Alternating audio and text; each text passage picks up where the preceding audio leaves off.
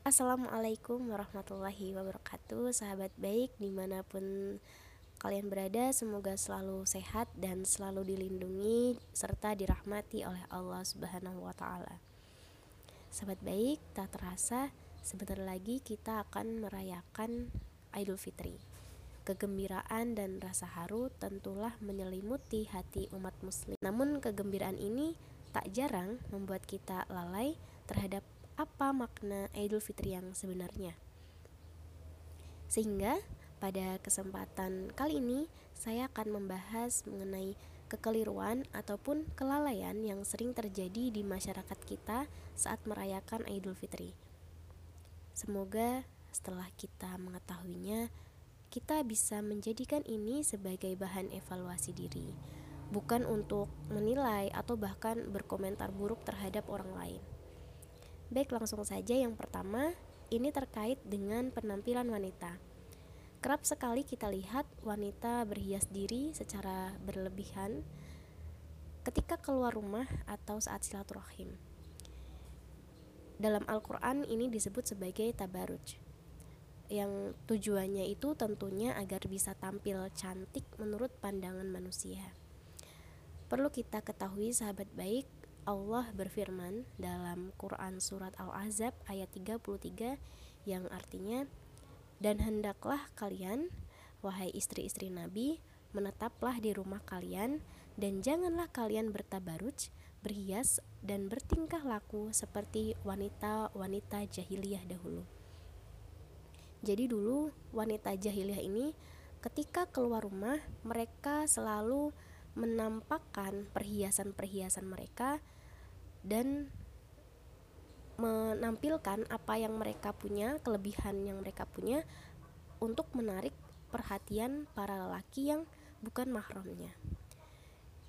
Dan yang perlu digarisbawahi adalah larangan bertabaruj ini tertuang dalam Al-Qur'an yang kita tahu Al-Qur'an adalah setinggi-tingginya sumber pedoman umat muslim dalam menjalani kehidupan. Yang artinya bahwa tidak ada pilihan lain selain menaatinya sahabat baik. Lalu kelalaian yang kedua ini juga sering terjadi yaitu berjabat tangan dengan yang bukan mahram. Ini juga berbahaya sahabat baik.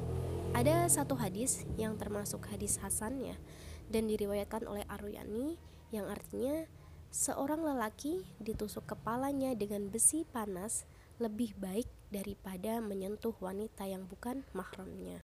E, untuk pembahasan mengenai mahram, insya Allah akan disampaikan pada segmen berikutnya. Namun penting kami sampaikan di sini bahwa ipar dan sepupu itu bukan termasuk mahram. Jadi kita harus menghindari berjabat tangan dengan mereka. Lalu selanjutnya kelalaian yang ketiga atau kekeliruannya mengkhususkan ziarah kubur pada hari raya Idul Fitri. Saat baik, e, sebenarnya tidak ada larangan untuk berziarah saat Idul Fitri. Karena ya ziarah ini bisa dilakukan kapan saja. Namun karena ada orang-orang yang mengkhususkan ziarah kubur ini pada saat hari raya Idul Fitri saja sehingga selain di waktu itu mereka tidak berziarah. Ini yang menjadi kesalahan di masyarakat kita. Perlu kita ketahui bahwa ziarah kubur ini juga banyak ya manfaatnya. Yang pertama pastinya kita mendoakan orang yang meninggal tadi atau si mayit. Lalu yang kedua, ini yang penting juga yaitu ziarah kubur bisa mengingatkan kita kepada kematian. Bahwa kematian itu memang nyata dan dekat dengan kita sehingga setelah kita ziarah kubur kita bisa memaknai kembali kalimat inna lillahi wa inna ilaihi rojiun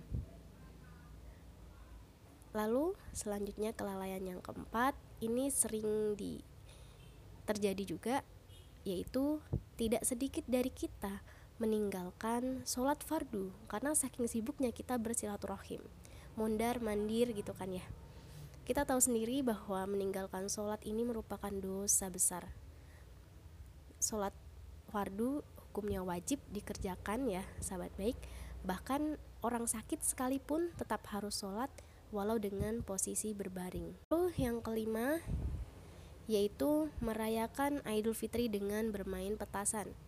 Saat baik ini merupakan bentuk kemudorotan banyak kerugian yang didapatkan dari bermain petasan yang pertama tentunya hanya menghambur-hamburkan uang lalu menimbulkan bahaya seperti kita tahu banyak berita-berita di luar sana adanya korban akibat petasan ini lalu juga mengganggu keamanan dan kenyamanan publik karena menimbulkan polusi udara dan juga polusi suara dan tentu masih banyak kerugian-kerugian lainnya. Itu dia lima kelalaian dan kekeliruan yang sering terjadi di masyarakat kita saat merayakan Idul Fitri. Semoga setelah disampaikannya pesan suara ini kita bisa memahami Idul Fitri dengan sebaik-baiknya makna. Lalu tak lupa juga saya sampaikan kepada seluruh sahabat baik di mana pun kalian berada Selamat Hari Raya Idul Fitri 1442 Hijriah Takoballahu minna wa minkum minal aizin wal faizin dan saya juga mohon maaf bila ada kekeliruan dalam berucap dan berpendapat. Terima kasih sahabat baik. Wassalamualaikum warahmatullahi wabarakatuh.